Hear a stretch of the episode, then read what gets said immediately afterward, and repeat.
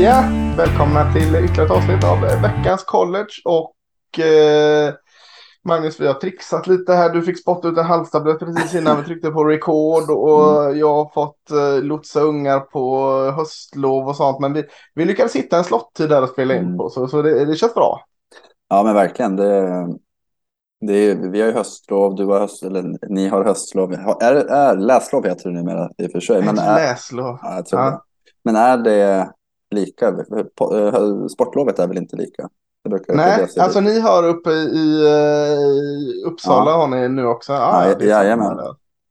Ja, ja. Därför uh, det är så jäkla dyrt att åka på utflykter där nu när hela Sverige har samma. Då ska slåss de om uh, alla utflykter. Ja, ja. Nej, nej det, det är nu jag har. Ja. Höstlov, novemberlov, läslov. Eh, Förkylningar och virus och allt, hela den. Liksom. Man känner vi har pratat under hela hösten om att det har liksom varit högt tempo. Nu börjar, nu börjar vi snart komma till jul och då brukar man känna, då brukar liksom, vad ska man säga, kroppen och själen brukar sukta efter ledighet och där är man ju nu. Mm, verkligen så. Jag har ja, inte jag, jag, ju, nej, jag var ju ledig två dagar. Jag längtade tillbaka till kontoret kan jag säga. Det var eh, sjuka ungar och arga ungar. Och, det är inte att vara ledig. Nej, så ja, men, men eh, ja, collegefotbollen eh, tuggar ju på. De, mm. de har så stora trupper så de klarar avfall med halsont och sjuka barn där.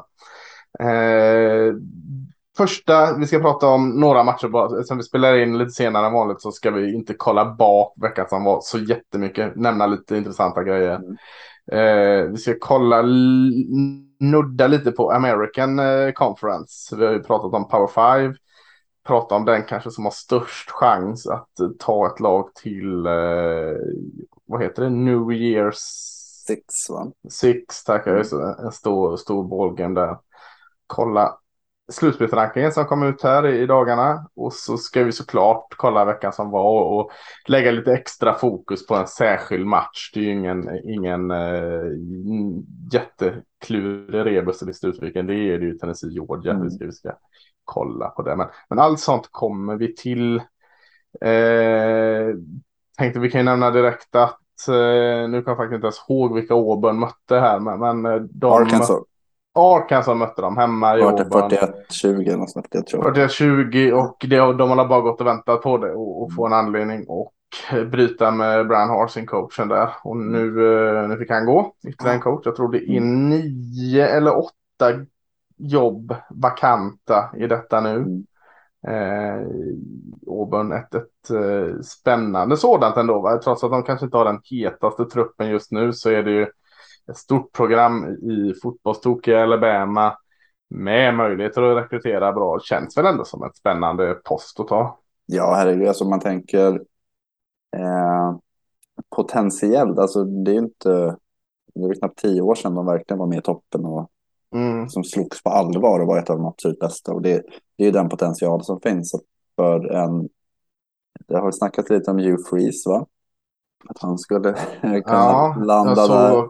Så också Dion Sanders var uppe ja, på tapeten. Precis. Han förnekar inte heller, för College Game Day var ju i, i uh, Jackson State och han var uppe och, och hälsade mm. på det han förnekar ju inte att, eh, och det är ju liksom ärligt så liksom att mm.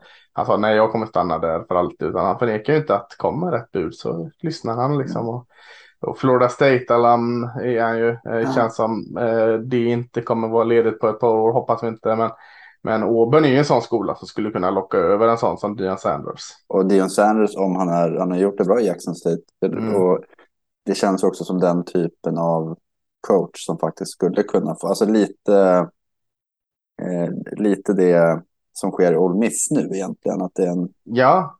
en, en profilerad coach som har liksom, attraktionskraft till spelare eh, och liksom vet hur det här nya med Nill och hela den biten ska göras. Så det tror jag. Din Sanders skulle vara ett jättespännande namn. Joe Freeze skulle vara ett jättetrött namn. Ja, jag tänker på den Affleck-reklamen, eller vad heter det? Mm. Affleck. Ja, eh, med eh, Nick Saban och Dion Sanders ja. eh, där. Om de nu får, får rivalisera mot varandra där. Den reklamen vinner ju Dion Sanders tycker jag. Han är ju ingen vidare skådis. Den går Nick Saban direkt. Nej. Men primetime var lite, lite känsla där. Ja. Så att, ja, det kanske är, är något på framtiden. Att de eh, faktiskt på plan. Mm. Eh, annars var inte det en match som, som var värt att notera för någon form av ranking eller mästerskapstitel eller något. De, eh, och Arkansas har ju bromsat upp lite och ligger i ingenmansland. Auburn ligger i botten där. Mm. Så.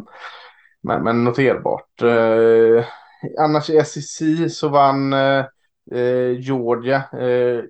World largest Outdoor Cocktail Party heter den. Eller World ja. Greatest Outdoor Cocktail ja. Party heter den.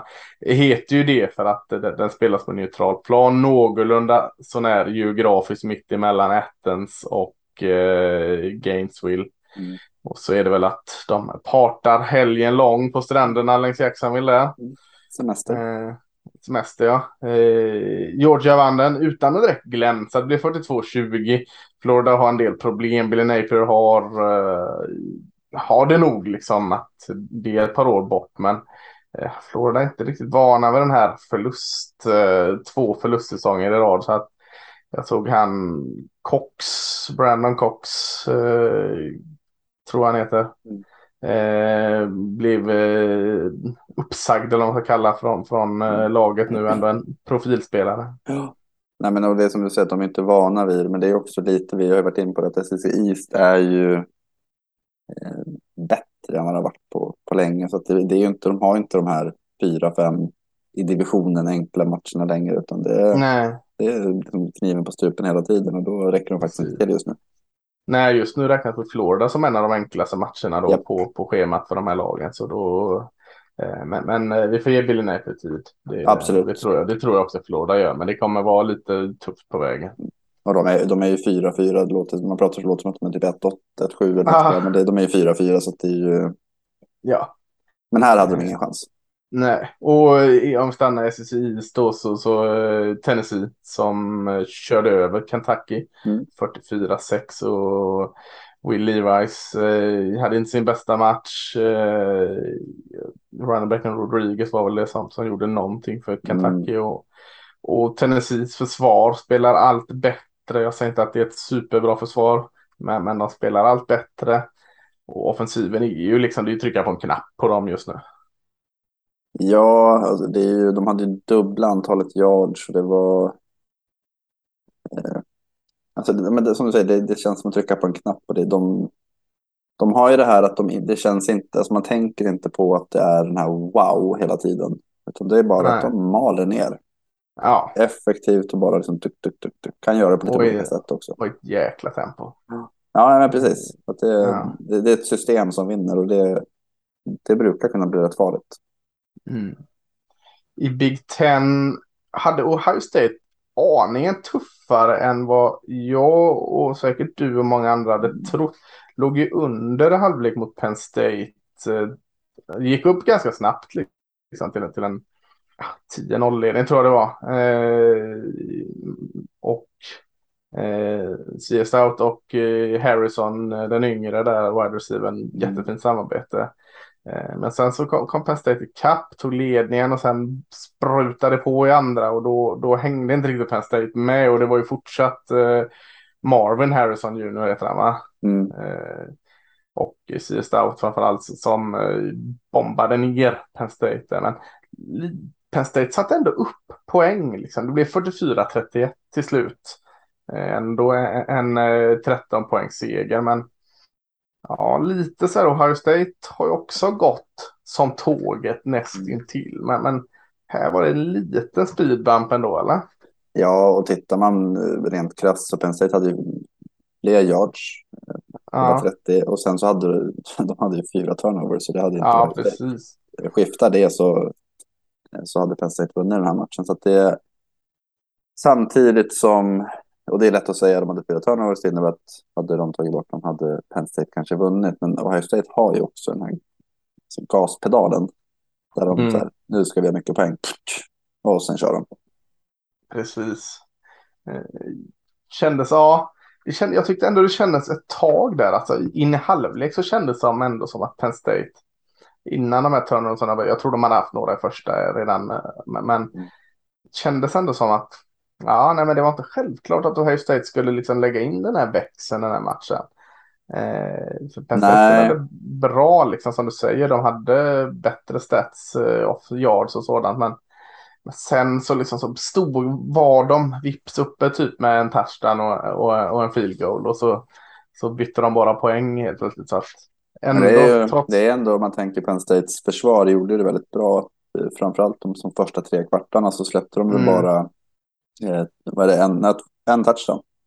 Ja. Och tvingade fram till. Så att, och det har vi inte sett eh, vare sig i år egentligen och inte de senaste åren heller. Just det, de, det är ju touchdown på touchdown på touchdown oftast.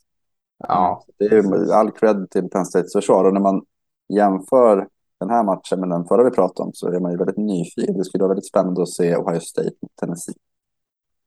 Ja, ja men det hade det verkligen varit. Absolut. Det känns som en sån här matchup där det blir 47-44. Ja, ja, den har varit oviss alltså. Mm. Verkligen.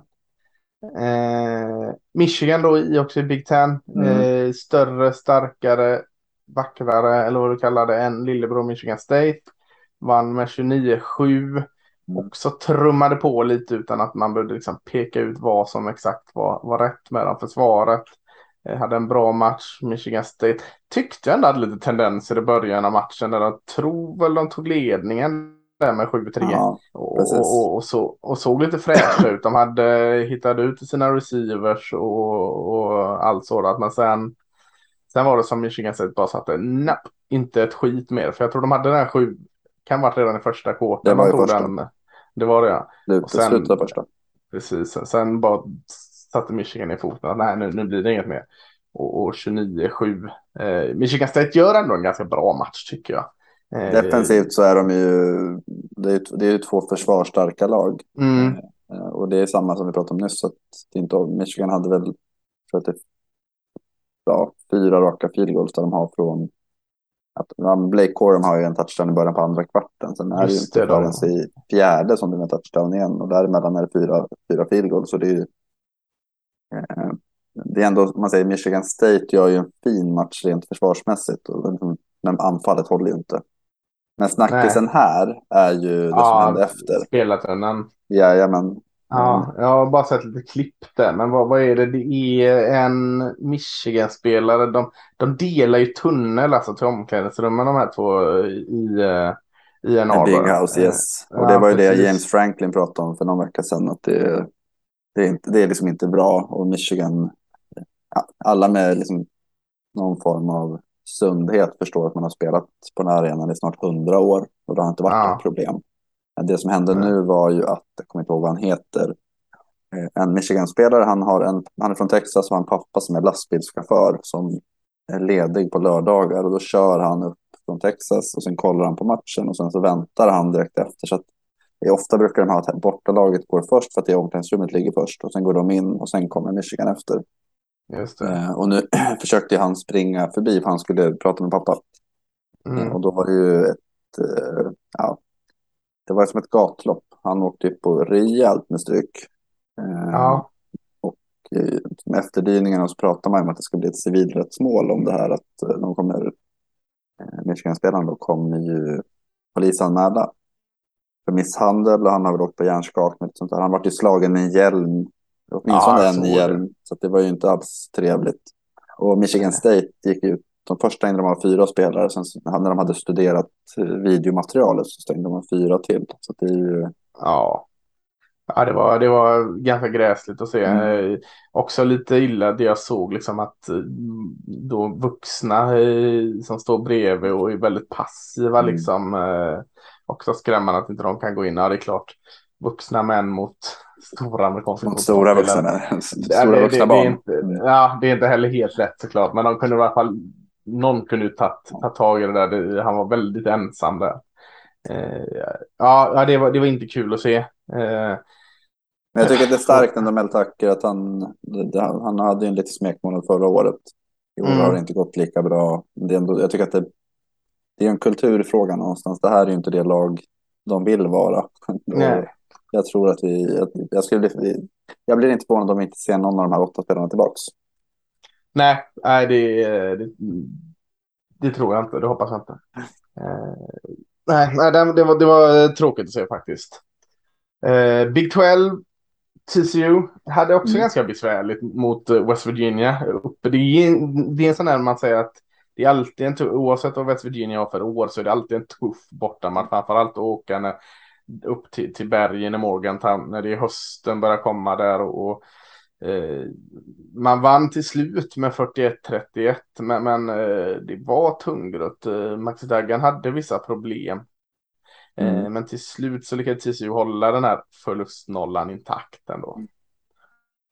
Ja, eh. men jag, jag, tycker att överlag den här veckan så kändes, vi har pratat om det under hela, hela hösten egentligen, att det är, det är en lite jämnare säsong än vad vi har sett tidigare. Mm. Lappet är mindre. Det, det, det ja. märker vi också för att det är rätt mycket skrällar och det, jag tycker väl, om vi är inne på Big 12 så har vi ju Oklahoma State som Eh, jag vet inte vad de gjorde. Nej, jag tänkte komma till det.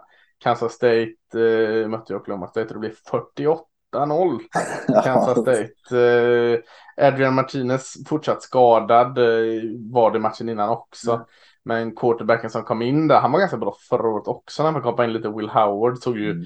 skitfin ut liksom. Och, och running back Deuce Vaughn eh, sprang så där bra som han gör när han är bäst. Mm och försvaret då alltså i, i klassisk Bill Snyder manér nollar och Oklahoma State. Mm. Oklahoma State som visserligen det har varit så svårt liksom att sätta fingret på vad stjärnglansen är på dem men eh, Spencer Sanders tycker jag har haft sitt solklart bästa år hittills och hållit en jämnare nivå än vad han ens varit närheten av att göra innan. Och sett bra ut. De slog, mm. de slog ett ganska hypat Texas veckan innan satte upp mycket poäng liksom. Eh, men nollat här. Det, det, det var. Oväntat. Det var ja, väldigt konstigt att se ja. också. Att de kom ut så liksom lama. Mike Gandys lag gör inte det. Visst, och Loma State kan förlora tre, fyra matcher per säsong. Men, men så här lama som de var, det... det, det Nej, jag har, nog, jag, jag har aldrig. Alltså, det Nej, det är inte ett sånt lag. Nej, det är inte ett lag som ger noll poäng. Nej. Kansas State är inte heller ett lag som gör 48-0 på en... Nej, Nej det, det, var, det var väldigt, väldigt märkligt här. Eh, Gunnar Gandhi, är det Mike Gandhis son? Ja, det måste det vara. Gunnar känns som ett eh, Mike Gandhi-approved namn också. Ja, verkligen. Ja, det ja. Var, hade, var han med? Ja, han spelade, han fick komma in lite i Spencer Sanders hade ah, okay. ah, gjort sig färdigt. Ja, ja, det hjälpte ju föga. Mm. Nej, men det, det, det, var väl typ det som stack ut den här veckan som var. Var in, inga jätterevolutionerande saker, varken i ACC eller i Pac-12. Eh, eh, vad jag kan peka in mig på eh, direkt.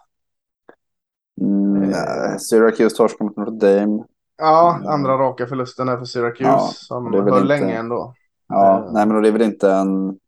I normala fall så är inte det en skräll, men... Nej. Eh, det får väl vi får väl säga att det är lite. Louisville smaskar ja, till Wake Forest rätt rejält också. Ja, men, det... men det är lite det jag säger, att det, det finns en, som vi har pratat om förut, det är fem, sex lag som är bättre än de andra. Men jag tycker inte heller där är inte skillnaden lika stor som det har varit vissa år. Och sen så Nej. har vi ju 25, 30, 40 lag som är, alltså lite det här NFL Any Given Saturday blir det ju här. Ja, de, precis. De kan slå alla alla kan slå alla. Det är väldigt kul samtidigt som det blir väldigt svårt. Ja, nej men så är det verkligen. Eh, men, men där har vi väl eh, några matcher från veckan som var. Eh, det var en del matcher i American. Eh, jag tror väl att UCF och eh, Cincinnati möttes där. Mm. Och eh, UCF vann den matchen. Det är två, alltså korta historien, eh, starka lag i American. Eh, så jag tänkte vi, vi kollar lite här på, för vi har gått igenom eh, de fem stora. Och American har ju då som sagt eh, en god chans på att skicka iväg ett lag till en New, New Year's Six Ball här. Och vi pratat lite om Tulane. Eh, att de tuffar på jäkligt fint och båda du och jag är lite pepp på det år. Och, mm. och, och de, de är ju det enda laget i American då med, med förlustnollan intakt i, i konferensen. De är 7 totalt. Men sen skuggas ju de då av UCF, Cincinnati och Houston. Samtliga är tre inom konferensen. Eh, UCF och Cincinnati 6-2, Houston 5-3 där. Och, och det blir ju ganska intressant då att kolla här. För att kollar man då, Tulanes förlust var ju mot Sudden Miss och Sudden Miss är ju inte eh, ens, de är ju Sunbelt så, så den, den är ju inte så betydelsefull. Eh, UCF förlorar mot Louisville och visserligen East Carolina i konferensen men, men inte något av de lagen har slåss med. Det är Cincinnati då med den här förlusten med UCF som kan få det lite eh, tradigt. Mm. Och Houston då med sin förlust mot Tulane här. Men, men det blir spännande här. Alltså, två av de här lagen är ju rankade nog i slutspelsrankingen. Det är Tulane 19 rankade och UCF 25 rankade här. Och kollar man här nu så, har de ju flesta Houston möter väl inte några av de här lagen som är framför. Eh, de Nej, men det är det jag sitter och, tittar lite på. Att de är elva ja. lag i eh, konferensen. Och är de elva? Har... Ojämnt antal. Ja, och de möter, spelar åtta matcher. Alltså det är två lag man inte möter varje år. Ja. Och det är, när man tittar på den här, är det något av lagen i, ja möjligtvis East Carolina.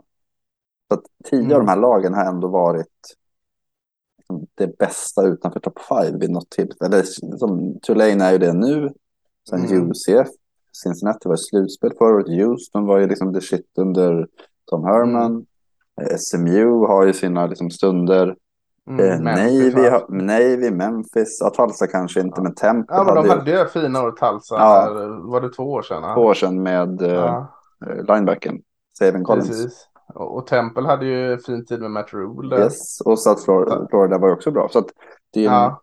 en, alltså du vet, det är inte många konferenser som kan matcha bredden. Nej. Nu, nu blir ju den lite sönderplockad där med Cincinnati och UCF som går till Big 12 här liksom. Men man fattar att de andra konferenserna är ändå inne och nallar här.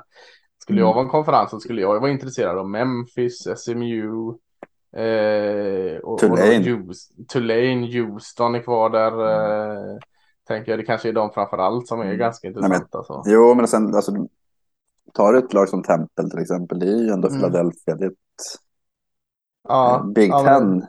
Det skulle vara rätt häftigt att se Ja, Temple ja, Big där. Ten eller ACC till ja, och med. Så ja. har du Temple och Pitt som ja. möts liksom ett ja. eh, Pennsylvania derby så absolut. Absolut. Eh, men kollar man nu, Tulane är ju i förarsätet. De, de möter eh, Tulsa nu härnäst. Sen har de mm. UCF, SMU och eh, Cincinnati kvar. Mm. Eh, jäkligt spännande att följa dem. Mm. Eh, se, tar vi då de bakom här då, UCF som då åkte på den här snöpliga förlusten mot sin, eh, nej förlåt, UCF vann ju mot Cincinnati. De har, mm. de har Memphis och så då Tulane, Navy och, och South Florida. Borta, borta. Ja, eh, mm. tre av fyra bortamatcher där. Eh, Cincinnati då som åkte på förlusten mot UCF. Eh, har Navy, sen East Carolina som är lite sneaky bra. East Carolina gick och snod BYU här senast. Mm. Och så har de Temple och Tulane. Och sen Houston då som kanske ligger och i någon form av uh, smygläge. SMU mm. borta, sen Temple, East Carolina och Tulsa. Det, det, är, det är ett par spännande matcher. Alltså, det är klart du kommer hålla koll på de här topplagen i, i, i eh, slutspelsrankingen och så. Det blir att man gör det. Mm. Men, men, eh, det är ganska kul att hitta de här storylinesen lite under. Vi har pratat om Sunbelt, Funbelt innan och sånt. Eh, och, och Mac har ju varit, eller vad säger Mountain West har ju varit rolig med, med Boise och mm. San Diego State och Utah State och, och, allt vad det är tidigare där. Men så det är ganska roligt att hitta den här konferensen lite som, mm. som det kanske liksom händer grejer kring. Och, och jag, jag, känner att American är kul och mycket för att Tulane är en, en uppstickare. Ja, men både Tulane och men, men just som vi pratade om att det är väldigt många av de här lagen. Alltså de, det, det, det ger ju den här kittlingen ändå. Att har du mm. Cincinnati, Cincinnati UCF till exempel, det är ju. Det skapar ändå pirr. De mm, har varit verkligen. så pass bra och Memphis och Houston har ju samma effekt och det Tulane har, så vi har pratat om deras logga och färger tidigare, men mm. nu har de ett lag och tidigare har de också haft lag som har varit bra. Så det är ju, nej, det, det blir, det brukar vara best of the rest och det, i år har de verkligen levt upp till det.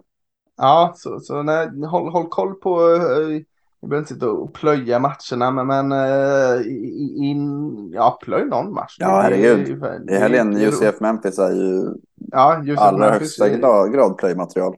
Precis. Även Houston SMU är en bra, mm. bra kamp i, i Texas. Så, och sen helgen därefter är det UCF Tulane. Så att ja, det, det finns mycket skoj där. Mm. Helt klart. Och Vilka två, tror du vinner? Jag eller vilka tror går till final här väl de har också? Ja, jag tror nog att Tulane kan gå till final, men jag hoppas lite för mycket på dem här nu så att jag, jag är lite rädd att eh, det här baktunga UCF, SMU och Cincinnati att eh, det kan bli kanske två förluster där liksom att de inte riktigt är vana att vara med så här långt in i säsongen. Eh, men, men jag hoppas Tulane i, i ena finalen. Sen tror jag väl då kanske att Cincinnati är starka nog. De, de måste ju eh, se till att UCF förlorar en till då så de går om det. Men, men jag känner Cincinnati på något sätt alltså. Mm. Eh, så bra som de var förra året när de var i slutspel. Eh, tappat enormt mycket såklart men, men det finns ändå ganska mycket gott kvar där. Så jag, jag, jag säger väl Tulane Cincinnati i final och Cincinnati kanske vinner det igen är jag rädd för. Mm. Jag tror UCF tar jag tror att de slår Tulane. Tulane har ju liksom haft ett rätt gynnsamt schema. Mm. Ja, men det har de. I, I konferensen. De slog Houston Roliga borta. Ja, och roligt är att de slog Kansas State. Det är Kansas ja. State som slog Oklahoma State. Ja, vet, det är ju störtlöjligt. Ja. Ja. Men nej, det ska bli spännande att se. Det, ja. Kommande två veckor blir väldigt, väldigt avgörande i det här spelet. Tulane spelar UCF, då är de i stort sett klara för ja. en finalplats. Ja, Eftersom de har slagit både UCF och Houston och så har de Cincinnati kvar. Så att, och East Carolina har de också slagit. Ja, precis. Så, nej, då, är, det, då ska ju liksom SMU traska förbi med två vinster. Och det tror jag inte att de gör. Nej, det gör det. Nej, eh, håll koll på Amerika. Mm. Eh, Slutspelsrankingen kom ut, jag tror det var tisdag kväll va? Jajamän. Den, den är färsk. Eller ja, svensk natt. Ja, precis. Eh, så den är väldigt färsk. Eh, kul direkt ur start tänkte jag att eh, första rankade Tennessee. Mm. Kul att de vågar sätta dem där, för jag håller helt med. Eh, tidigare säsongen har jag hela tiden eh, stått på mig och jag vet att du också varit glad att säga att Ohio State är nummer ett.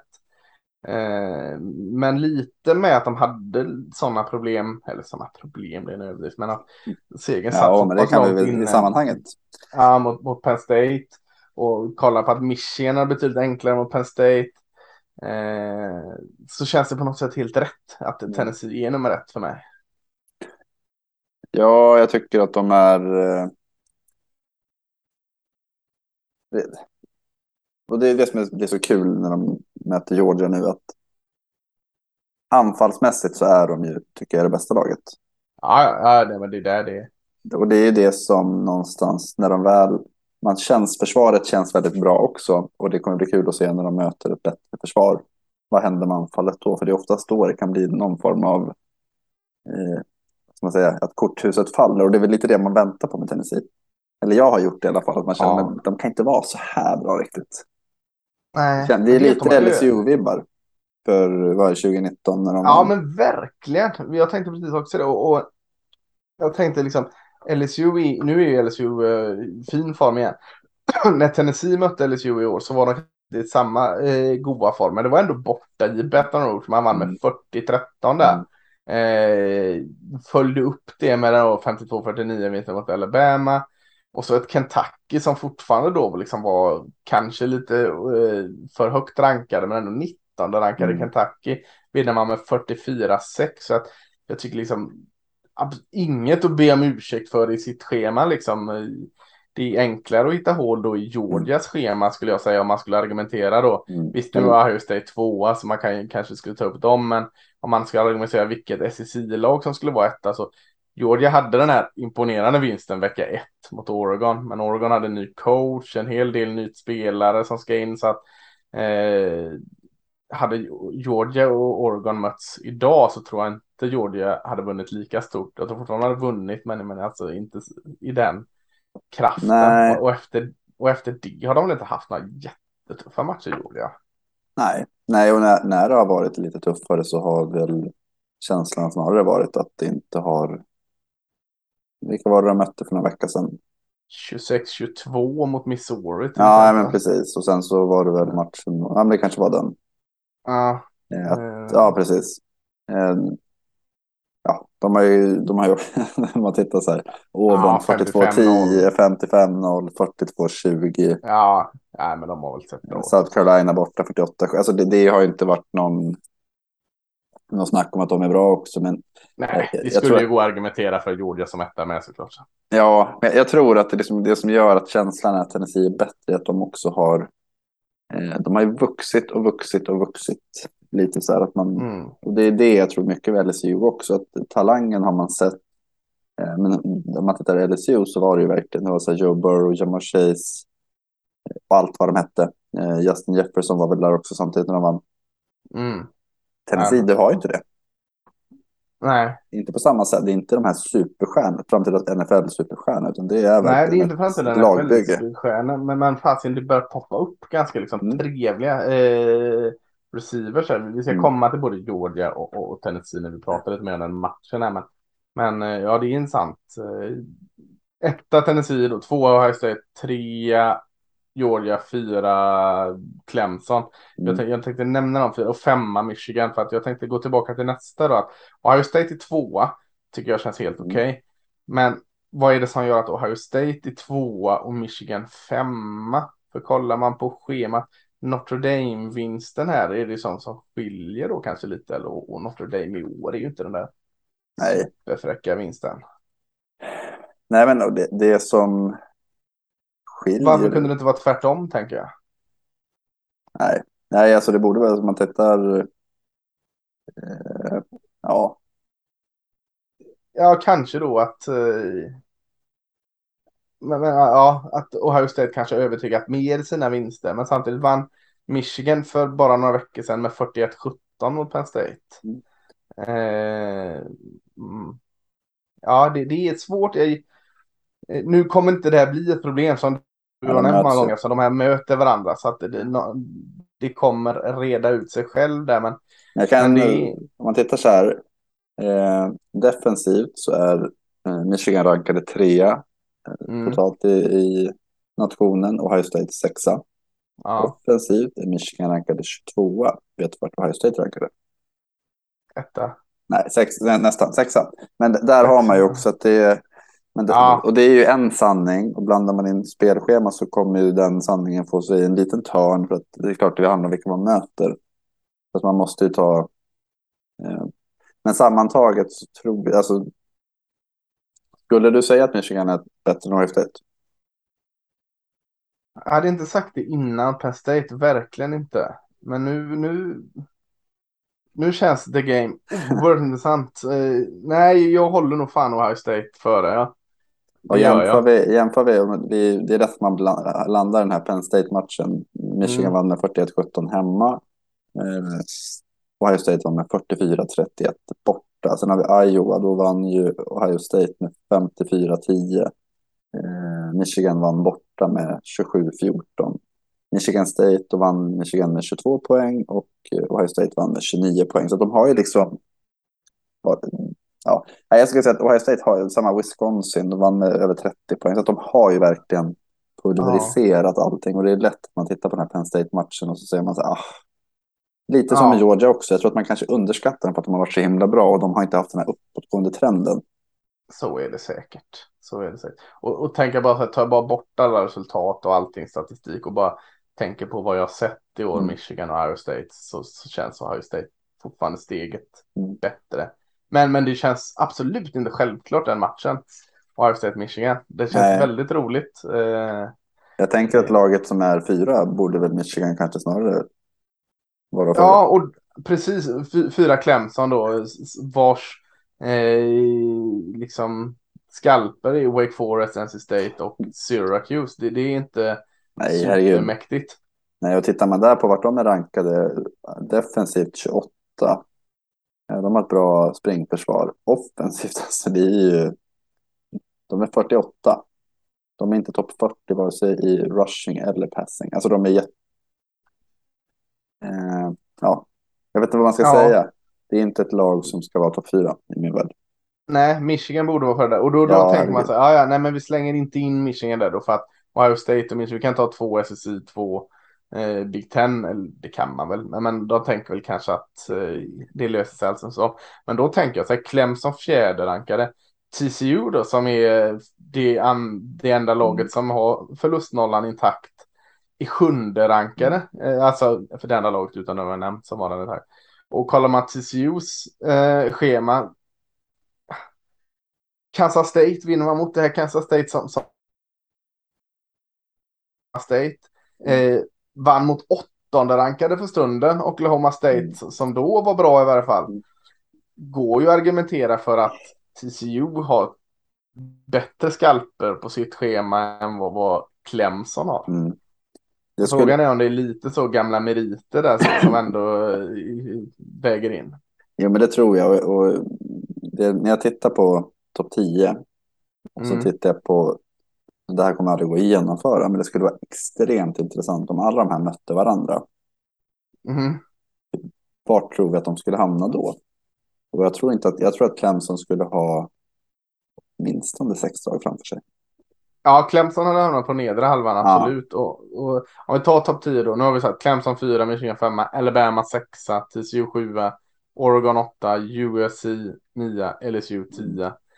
Eh, jag tänker att så här, alltså, först tänkte jag att LSU 10, är inte det jäkligt högt? De har ändå två förluster, 6-2. Och det, det är nog möjligtvis lite högt, men LSUs form just nu, den är oerhört mm. fin. Eh, men nu ska inte form heller påverkas i den här rankingen kanske, men, men LSU kanske hade puttat upp topp 5 och Clemson puttat, puttat ner dem ett steg. Mm. Man, man, kan argumentera för att Oregon kanske skulle upp lite mer med deras form också. Så den är, och, och samtidigt så ligger Alabama där sexa, men det kan mm. spöka. Mm. Ja, men det, och det är det som är eh, den här, tittar man så här, hur skiljer sig eh, playoff-kommitténs första ranking mot eh, AP, som ju är det som, mm. där de har kört året igenom.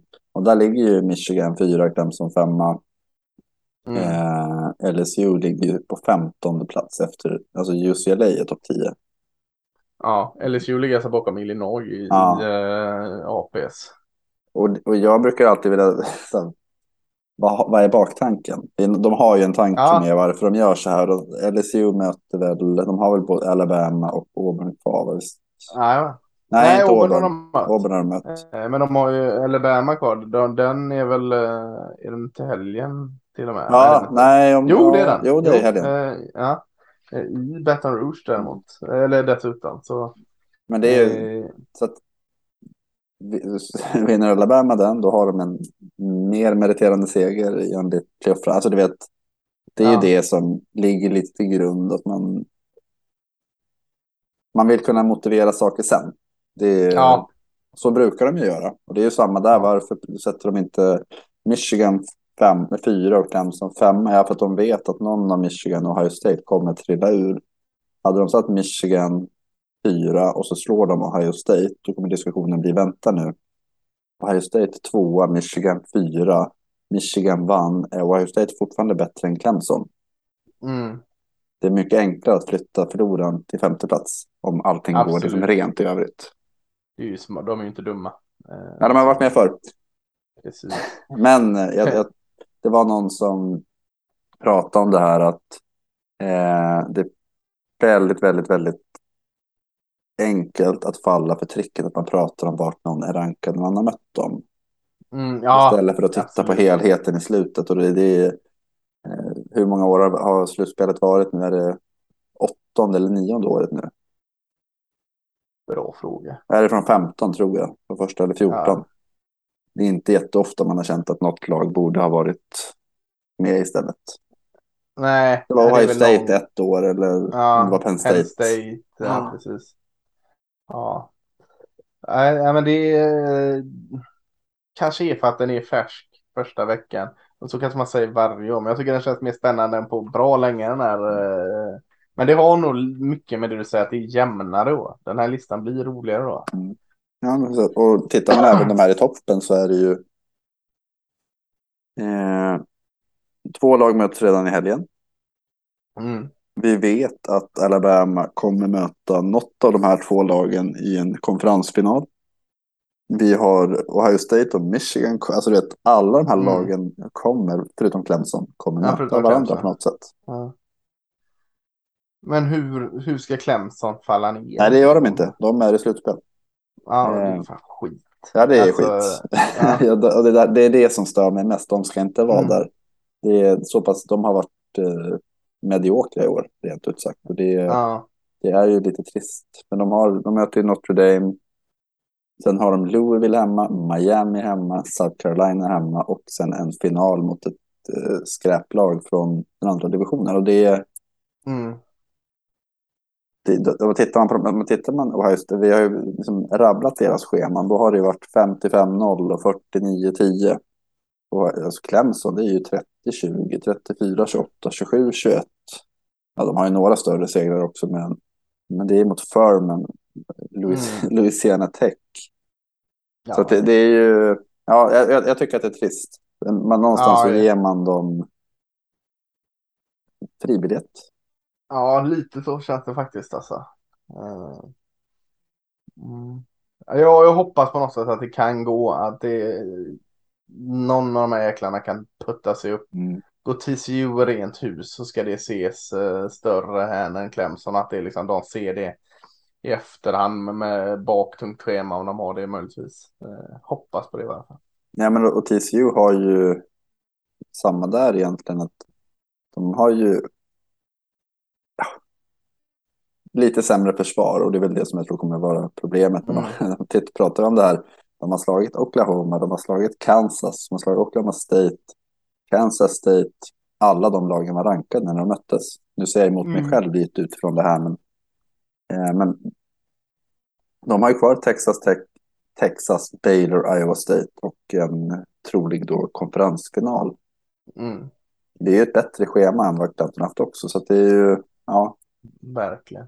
Och av någon jäkla konstig anledning är Texas rankade den här. De är 24 rankade 5-3. Så att de har rankat lag kvar också. ja. Hur de är det, det kan jag inte förstå. Men, eh, den kommer de vinna, Texas, tror jag. Att, ah, fan, jag, jag slutar tro på Texas här nu igen. Det, det gör bara ont i mig när jag börjar tro på något.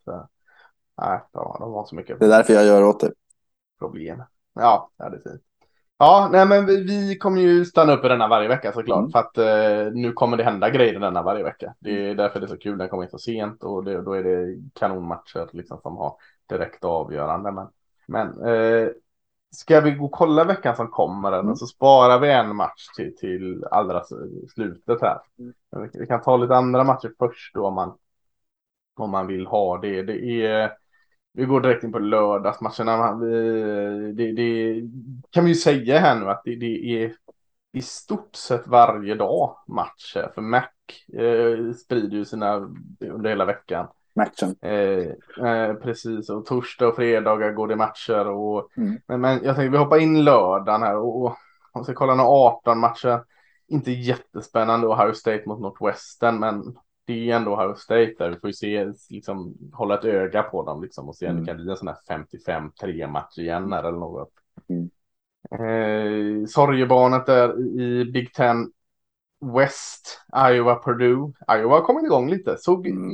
Ska inte säga att de såg bra ut offensivt, men de såg inte totalt jäkla bedrövligt ut offensivt eh, senast. Fick igång det där, så det enda som liksom kan vara deras nyckel i offensiven, springspelet eh, senast. Och, och Purdue som som är lite luriga där om slåss bakom Illinois. Så att kanske något. Minnesota Nebraska också kanske är halvgod match, eh, mm. vad vet jag. Eh, men 18 är det ganska svårt att hitta. Kanske är Texas Tech, eh, TCU som är, som är matchen. Ja. Jag vet Nej, men jag, jag tänker att det, det, man, det jag brukar titta efter i alla fall när inte, när inte de här... Ja, så det är så Texas A&M Florida är ju sjukt att det inte är liksom the highlight, men det är väl fiasko bowl kan vi väl kalla den. Ja, men lite så, för det får vi nästan göra. Eh... Men, men just att TCU Texas Tech är ju intressant för att se. Ofta kan det räcka med en kvart, i alla fall en halvlek för att se, okej, okay, TCU, alltså, är de mycket bättre så kommer det stå 25-0 och så kan man gå till någon annan match om man skulle känna det. Men det är alltid mm. roligt att börja i, i en match där ett lag som har ganska mycket att bevisa eh, möter ett lag som inte har det. För att se hur det Och det, här, det känns som, det är ju hemma så jag tror att det, men hade det varit i Lubbock så hade det varit en helt annan grej. Ja, absolut. Absolut.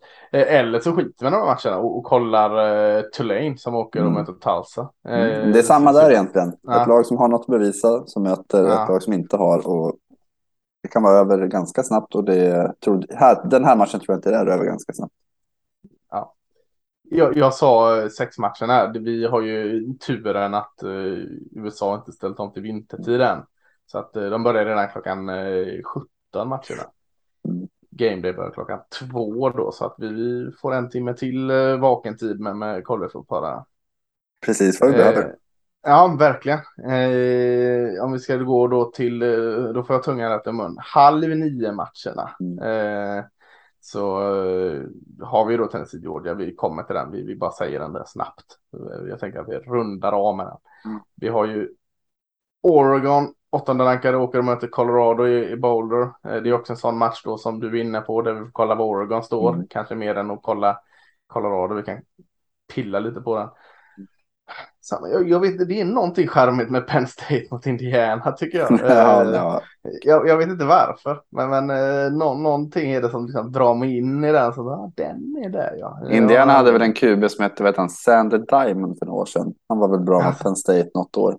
Ja, det kanske han var. Det var enda gången han var bra. Någon som, som slängde in och sen så var han. Ja, tog ikapp ja. dem på hemmaplan. En sån här jag undrar om inte det var en fred, torsdag eller fredagsmatch som man såg dagen efter, men verkligen så här fängslande. Ja, det, det är mer än vad jag kommer ihåg faktiskt. Eh, vi har Illinois, 16 Illinois tar emot Michigan State. Eh, känns kul, och, kul att se vad Brett Bielema mm. har där. Och då har vi ett Michigan eh. State som saknar en hel del spelare. Ja, verkligen. Men övriga kommer ändå vilja ha något att bevisa. Ja, det, det, kän, det är det jag tänker också, liksom, att det känns som att det är en, en reaktionsmatch från, från Michigan State och, och det, det gillar man ju. Och framförallt när Illinois går som tåget så, så känns den väldigt trolig. Jag har ju en match som jag tycker är väldigt spännande. Eh, ja. Och det är apropå saker som kittlar. Memphis UCF, kommer du ihåg de matcherna för det är inte ja, jättelänge sedan. Svinbra. Eh, svinbra. Memphis hade alltid bra running backs och UCF hade alltid en jäkla mobil quarterback. Och det var ju, det, det var ju alltid de här 51, 48, 49, ja. 47. Och de möttes oftast två gånger i slutet på året. Att de möttes i en grundseriematch ja. och sen i finalen. Ja, den är fin. Fin att den är i Memphis också ja. kan, kan göra den lite mer spännande där. Eh, jag tänkte en annan match där som också är eh, då eh, 2030 är ju Kansas tar emot eh, fortfarande 18 rankade Oklahoma State. Mm. Kansas som vi pratade om in i helsike i början av den här säsongen och det gjorde ju alla. Nu är det där. Kommer de till en ballgame Kansas? De, de är eh, verkligheten har ju kommit ikapp dem. Eh, Oklahoma State, jag kan inte eh, se att de går på halvfart den här matchen eh, efter den här skiten som hänt. Eh, Kansas har då Oklahoma State. Sen har de Texas Tech borta i Lubbock, Texas och Kansas State. De behöver en vinst till för att gå till bowl. Och, och vi pratade om dem. De, de gick ut 5-0, har tre raka förluster. Spännande ja. att se vad... vad... Ja, man vill ju så gärna se att Kansas når en boll här, men, men just nu känns det faktiskt tveksamt ja. att man gör det. Och de skröt ju om att de hade fullsatt och utsålt och mm. eh, nu såg jag att biljetterna säljs för, vad var det, 1649. Ja, ett av få ställen som säljer med öron, eller sämst. ja, fasiken. Uh, ja, i Tennessee Georgia de uppe i 600 dollar nu eller något sånt. Mm, ja, 300 enligt här. Ah, det, ja. det är ju... Ja. Köper ja, en sån biljett så kan du i stort sett få alla andra biljetter. en hel rad. Alltså, I de andra matcherna alltså. Ja, ja men lite så. Eh, ja, men, där har vi några 20-30 matcher. Eh, vid midnatt då så har vi en, en skitbra match. Alltså. Eh, det, det är ju två grymma SSI-matcher den här eh, helgen. Det är ju Alabama då, sjätte rankade Alabama åker till Baton Rouge som heter tionde rankade LSU, går på ESPN. Eh, och bara för några veckor sedan hade man inte känt den här liksom suget för den här matchen. Men, men LSU har ju hittat formen, de har hittat offensiven att fungera. Eh, running back, eller running back, det kan man kalla honom i sig, men, men quarterbacken Daniels eh, mm. kommer in i det allt mer. Eh, Bo, Bo T, eh, wide receiver. Kan vi kalla honom Booty? Booty, ja men kanske han Rumpan. heter så till och med. Ja, men jag tror han kanske heter så till och med. Väldigt Louisiana eh, i sådana fall. Ja, eh, kan vara att han är lite, lite småskadad. För han, han är inte riktigt i toppfart, men han har börjat producera allt mer och han och Daniels har börjat hitta varandra allt bättre. Försvaret har, har det är inte det där mesta försvaret som man tänker på LSU för 6-7 år sedan, men, men börjat fungera. Höll bara där, alltså Ole Miss till 20 poäng.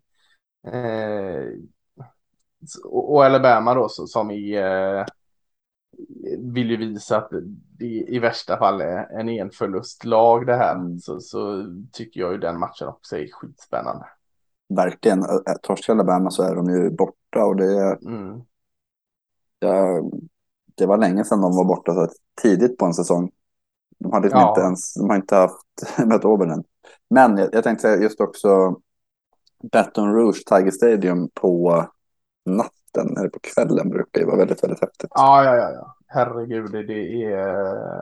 Karneval och eld och tigrar och... Jajamän, jajamän. starka drinkar och allting. Det, det är... och lite voodoo. Precis, det är uppiskad stämning när det är Baton Rouge. Mm. Så den är ju en skitbra match. Mm. Eh, och du har också en bra match då, eh, samma tid 12.00 12 går på Fox Sport 1.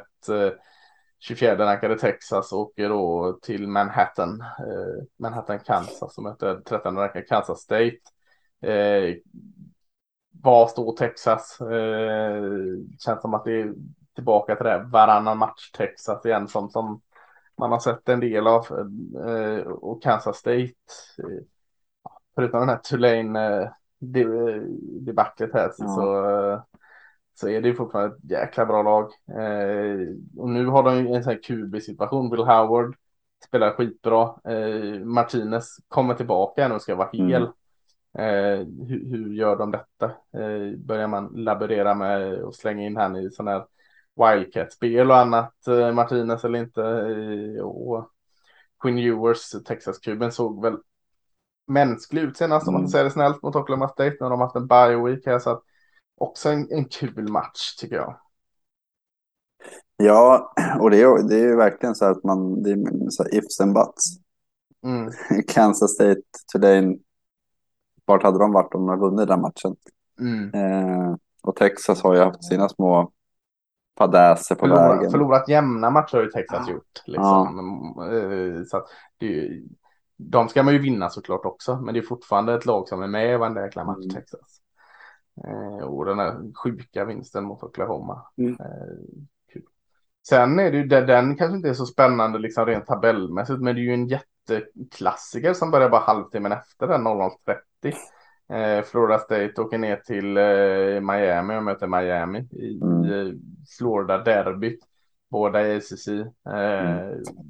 Sen kan man alltid diskutera vilka av de här Florida-matcherna som är störst. Jag tycker den här har något särskilt eftersom de är i samma konferens. Mm. Eh, och Miami där det är ganska tydlig pilning. Nu vann man efter fyra övertider senast en jättepoängsnål match mot Virginia visserligen, men det är ju inget styrkestecken och var ju inte alls den säsongen Cristobal skulle ha. Och Florida State som börjar få ordning på den här skutan. Eh, känns ju som en riktigt god, god match. Ja, och det är ju det är två sådana här ikoniska program, mycket swag, alltså du vet. Mm. Så det är samma där, det kittlar ju kring det. Eh, lagen i sig. Ja, det finns ju en del i övrigt att önska ut deras. Men det, det My, the U is back har vi pratat om, Florida State mm. is back. Någon gång måste de ju vara tillbaka.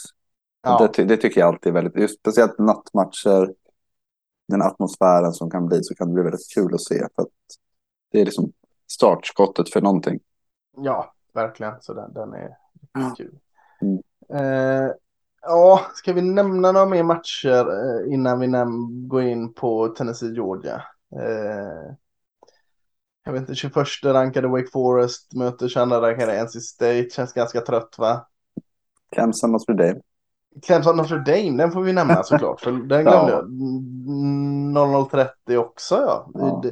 Ja men den är spännande. Jag, jag eh, håller Clemson som favorit eftersom Notre Dame har ett mellan, mellanår. Men jag ser det inte som helt omöjligt att Notre Dame kan vinna denna hemma.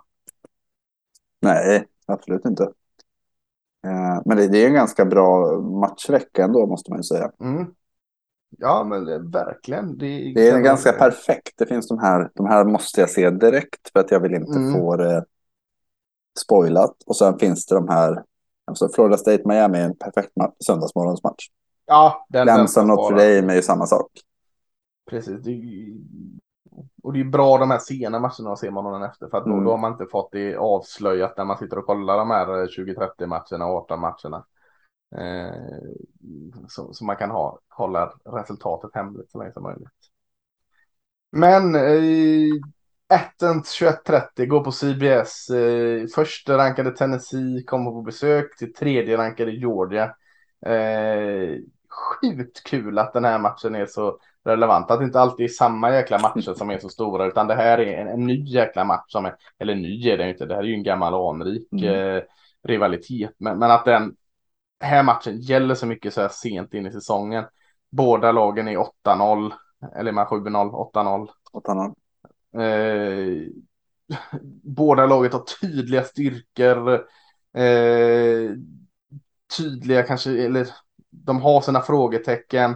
Och de är inte, de är inte på samma ställ, sätt liksom. Eh, jag, jag vet inte fasken om inte det här är matchen jag är mest pepp på och kommer vara på hela året. Det är möjligtvis Tennessee Alabama då som var för några veckor sedan. Ja. Eh, var samma dignitet tänker jag. Men, och det, det är ju det som är Alabama bäst poängsnitt i hela collegefotbollen. 49,4 etta på det. Eh, Georgia är... Tennessee sex... menar? Ja, Tennessee. Ah. Eh, Georgia är sexa med 41,8. Georgia är tvåa i poäng emot 10,5. Tennessee är 26 förvisso, 21,0. Mm. Men det är också försvaret har blivit bättre och bättre. Ja, och bättre. mycket bättre. Så det, det, finns ju... Det finns alltså både den här underdog-grejen i det, Tennessee. Ah. Eh, samtidigt som det ändå går att se strukturella saker i båda lagen som gör att det här kommer bli en match där eh, de kommer ställas på prov. Och när vi har sett de här sakerna tidigare, jag för mig att det var LSU Alabama, kommer du ihåg den? Då var det lite samma känsla. Att... Den poängsnåla jäkla matchen eller? Nej, 20, när de vann. Var det Nej, inte då... LSU. Ja, var inte då de alltså, körde över. Alabama med 30 ja. poäng? Och så blev väl Alabamas QB skadad. Jag kommer inte ihåg vem av dem. Om det var Jalen Hurts eller Tua. Mm, ja, men någonting sånt. Men det var väl 48-22 ja. eller någonting. Just det. Om jag inte minns helt fel. Den såg jag på en bar i Nashville faktiskt. Eh, trevligt minne. Snyggt. Uh, ja. Nej, men då samma känsla får man här. Att, eh, Georgia är, det är liksom, jag är väldigt dålig på mina Rocky-filmer, men jag tänker att Georgia är Rocky, fast han var väl alltid underdogen i och för sig. Georgia, ja. Georgia är King Kong. Och eh, eh, Tennessee är The Mario Brothers som ska ta sig upp till toppen någonstans. Och nu får vi se lite vilken styrka de har. Och det, det, det tycker jag kittlar otroligt mycket.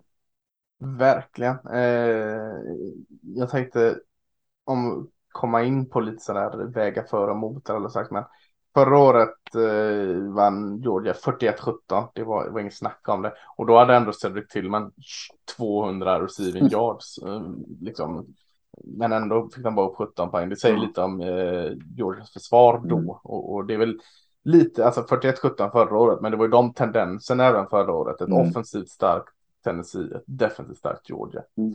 Då blev det 41-17. 2016 var senast eh, Tennessee vann. Eh, dominerade helt på 90-talet. Jag tror de var alla matcher. Var det under, vad heter han, Butch? Eh, 2016 där, Butch Jones. Eller han har fått sparken då. 2016 var det 2000. Eller vad hette han, Derek Dooley? Var han där Nej. också? Att de hade orangea byxor hela tiden. Den kippen. Nej, det, nej, det var den kippen var rätt tidigare. Ja, det kan vara Butch Jones kanske. Ja, men, för de hade ju något år när de var... Ja, ja det var Butch Jones. Ja, eh, ja Eh, och, ja, alltså, ja, det var länge sedan. Georgia har ju varit eh, liksom bra här ett gäng år. Liksom. Mm. Tennessee var ju nere i källaren för inte alls så länge sedan.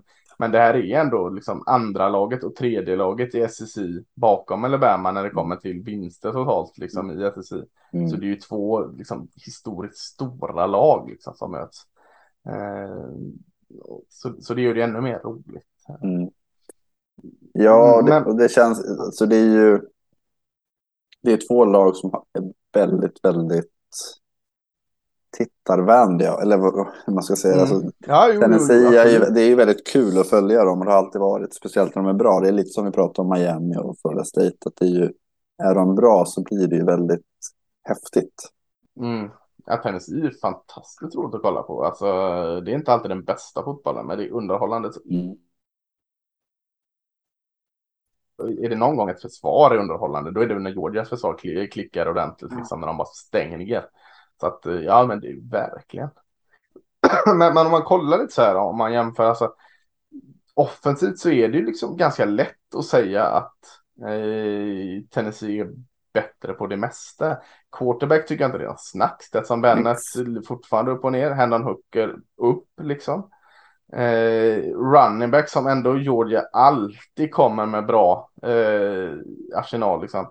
Ja, de har Edwards, de har McIntosh, de har två till. De, de jobbar, rullar runt med fyra stycken eh, running backs. Eh, men Wright och Small i, i Tennessee är inte alls dumma heller liksom. Så jag tycker inte det är någon enkel fördel Georgia när det kommer till running back heller.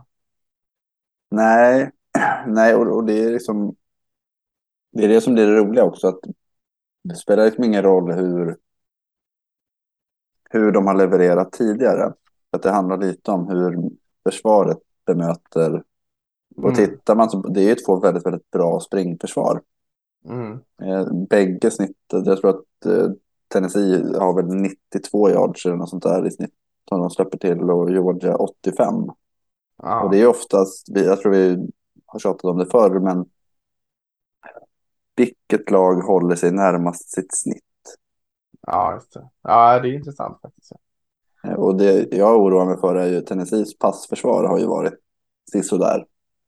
Mm. Det är där de har brustit. Men hur fasen ska Georgia Alltså, men har Georgias passförsvar varit så jäkla bra i år då? Det är inte där i år de har varit bäst heller? Eller? De har, deras försvar överlag varit 177 yards i snitt per match. Eh, Tennessee ja, okay. släpper till 300. Ja, okej. Okay. Men är Stetson Bennett en person som kommer kasta för 300 yards? Ja, kanske en sån här match. Ja, kanske. Han eh, måste ju det. För, att ja. kommer, för det, jag tror att uh, Hooker kommer ju straffa Georgias försvar desto mer än vad de är vana vid. Bennett behöver ju inte, alltså i hur bollen ligger i luften 300 yard. För att om, om vi ska gå på bollmottagare, wide receiver, tight Tre så, yards. Ja, för du har ju eh, Bowers och Washington här, två helt fenomenala mm. tight ends. Som, som McConk är ju mm. en receiver då som gör det bra liksom. Men Bowers och Washington är ju i passanfallets liksom nycklar och mm. Stetson Bennett kan lägga en liten slant på 6-7 yard mm. och så drar Bowers iväg på en 35 yards gain så att eh, han får ju mycket gratis där. Mm. Eh, Hooker har ju mer, han har sina receivers, eh, Hyatt och McCoy som har varit helt fenomenala hela året och så har vi mm. Caton som har eh, legat där i tredje receiven och nu är ju Cedric Tillman tillbaka dessutom som någon form av jäkla joker så de har ju fyra receivers som alla liksom har fångat boll hela jäkla året på, på Hookers pass. Eh, så, så den långa bollarna kommer ju komma från Hendon Hooker. Yard efter catch kommer komma från Bowers och Washington är ju min mm. känsla liksom. Ja, och det är det jag tror någonstans att tittar man på vad som, alltså explosiviteten brukar vara så jäkla viktig. Mm. Verkligen. Försvaret känns väl liksom i stort sett över hela brädet fördel Georgia. Kan ju argumentera för liksom att. Visst var Nolan Smith var väl borta va? Nolan Smith är borta eh, resten av året. Mm. Man har ju stadie jäkla Jalen Carter där i mitten på defensiva linjen i, Georgia. Mm. Har successivt blivit bättre och han har dragit med lite skador. Men samtidigt så har du en jäkligt spännande edge rusher i, Tennessee i, Byron Young som mm. jag tycker har sett jäkligt fin ut hela året. Så att det finns ju kryddor där för Tennessee med. Ja, och det är lite, blir lite samma där egentligen för att eh, har du Byron Young som han, han har väl fem, sex, ett, ett gäng tackles för Alltså du vet, han kan mm. göra de här spelen som gör att man får ett stopp. Mm. Och det kommer, vi pratade lite om det när vi pratade om Michigan och Penn State. Att försvar som kan stoppa och har man ett bra, alltså tvinga till noll poäng eller ett field goal. Det gör att deras explosivitet i anfallet blir än viktigare. Så att, eh, försvar absolut bättre, men jag ser fortfarande att Tennessee har en hel del spelare som kan göra spelen. Playmakers. Precis, och gör de, gör de spelen på rätt, vid rätt tid så kommer Tennessee gynnas väldigt mycket av det. Ja, jag håller med. Eh, offensiva linjen om vi ska pilla på den enheten. Knapp fördel Georgia där kanske båda lagen har ganska stark vänstersida på lin linjerna där. Men, men eh, båda lagen har också haft bättre offensiva linjer att skryta med. Det känns som att det är lite mer kilon på Georgias eh, offensiva linje mm. som, som ändå får ge dem fördelen mm. Och, och, och, där har väl då också indirekt springspelet då kanske att Georgia gynnas lite mer av det. Mm. Mm. Tippa Magnus, vad, vad, vad, säger du? Den är i Athens. Eh, den är hemma ja. för Georgia. Eh, Georgia kommer in och ska försvara eh, titeln här. Ja, Donkey Kong. Eh, ja, precis. Och, och, Mario Brothers eller skjutande helikoptrar eller vad det kommer in här med. med eh, ja, skjutande helikopteroffensiv är det ju en, liksom, det, det bombas ut krut eh, liksom från Hendon Hooker. Och det är ju inte, det är inte rätt att säga att Tennessee kommer in och inte har något att förlora här. För att de, de är så pass nära den här SSI-titeln nu så, så de har ju den att förlora. Men, mm. men samtidigt skulle Tennessee förlora den här och gå 11-1. Jag tror det är ingen som hade varit liksom besviken på säsongen. Nej, nej absolut inte. Samtidigt så sätter de sig nu i ett läge där eh, tittar man på alltså det vi har pratat om, ser man på vad lagen har presterat hittills, vad de har för styrkor, vad de har för svagheter. Mm. Så tycker jag att det talar för Tennessee. Jag vill också, ska jag tippa så tippar jag med hjärta Tennessee eh, såklart. Men, men jag tror också det är en realistisk chans. Eh, I college är det på ett annat sätt. Där har kanske den mest explosiva enheten oavsett om den är försvaret eller anfallet störst chans att vinna. Om det inte är för jäkla stor skillnad mm. på de andra enheterna. Och vad sa du, de var 26 rankade i försvaret Tennessee? Ja, 21 eller 26, ja, något 21, sånt. något sånt. Eh, och, och, visst, då är Georgia, var de första rankade i försvar? Eh, nej, sexa, sexa. Sexa, ja. Tennessee 1, alltså, 26 kanske det var. Ja. ja. Liksom, nej, men det skiljer 20-ish platser eller 15-ish platser. Det är inte så jäkla mycket i college.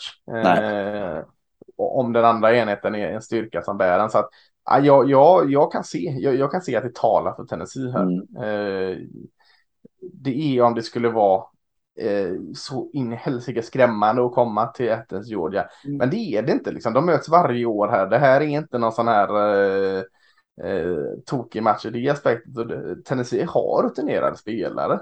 Framförallt den offensiven då, som ska bära dem. De har varit med förr här. Så att, ja, jag, jag, jag slänger nog in äh, mitt tips på Tennessee. Mm. Men sen får man ju tänka på att eh, det, det, är liksom inte heller... Alltså SEC, de är vana vid att spela i så hostile mm. environment. Precis. Eh, däremot matchens tyngd och allvaret i det. Där har ja. inte varit här. Nej, det, det säger du något. Det, det har ju Georgia. Eh, mm. Absolut. Och Georgia, det tog ju en två, tre år innan de... Ja, Georgia var ju Tennessee ett par år. Ja, ja men liksom exakt. Kom över det. Ja, det, det säger du något faktiskt. Ja, det, det, det talar ju för Georgia. Men för mig är det så här, eh. hjärnan säger Tennessee. Mm. Jag vet det är inte hjärtat som säger Georgia, men eh, någonstans erfarenheten säger Georgia kanske. Ja. Eh, ja, det, kommer, det, är, det är en helt oviss jäkla toppmatch och det är ju helt fantastiskt. Eh, och, och, sen när man liksom kanske har hunnit smälta denna så ska man bara slänga sig rätt in i Alabama ja. LSU. Det brukar ju vara en ned, nedvarvningsmatch som behövs. Ja, ja precis. Och det är, det är en fantastiskt jäkla fin SSI-vecka. Eh, så ska ni slopa SSI, gör det då den här tidiga matchen, 17-matchen. Ta mm. något annat, ta, ta American där. Så, eller sov då. Ja, eller, ja, precis. Och så sen bara betar han av de här två dundermatcherna i SSI. Så det, det, går inte att komma från den här, vakna upp på söndag och vara besviken. Du ska få ett scenario här, eller två scenarion ja. som du ska få ja. välja.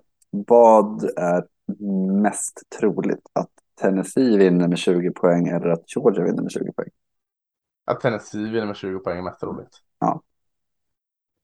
Men jag sa det lite självklart nu, för sen började de här matcherna rulla när, när Georgia stängt ner och kom ihåg hur de var mot Oregon. Så mm. att, uh, inte så säkert som jag sa det. Men, men, uh, men utifrån det vi har pratat om så är det ju faktiskt så. Ja, Tennessee.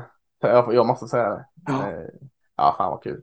Ja, supermatch. Ja, ja. Men ja, vi går ut med det Magnus. Alltså, ja. Det är svår, svårtoppat. Vi går ut med, med mm. Tennessee Georgia och vi går ut med Alabama LSU. Och mm. så, eh, så hoppas jag att ni får chansen att se båda de matcherna och ta er tiden.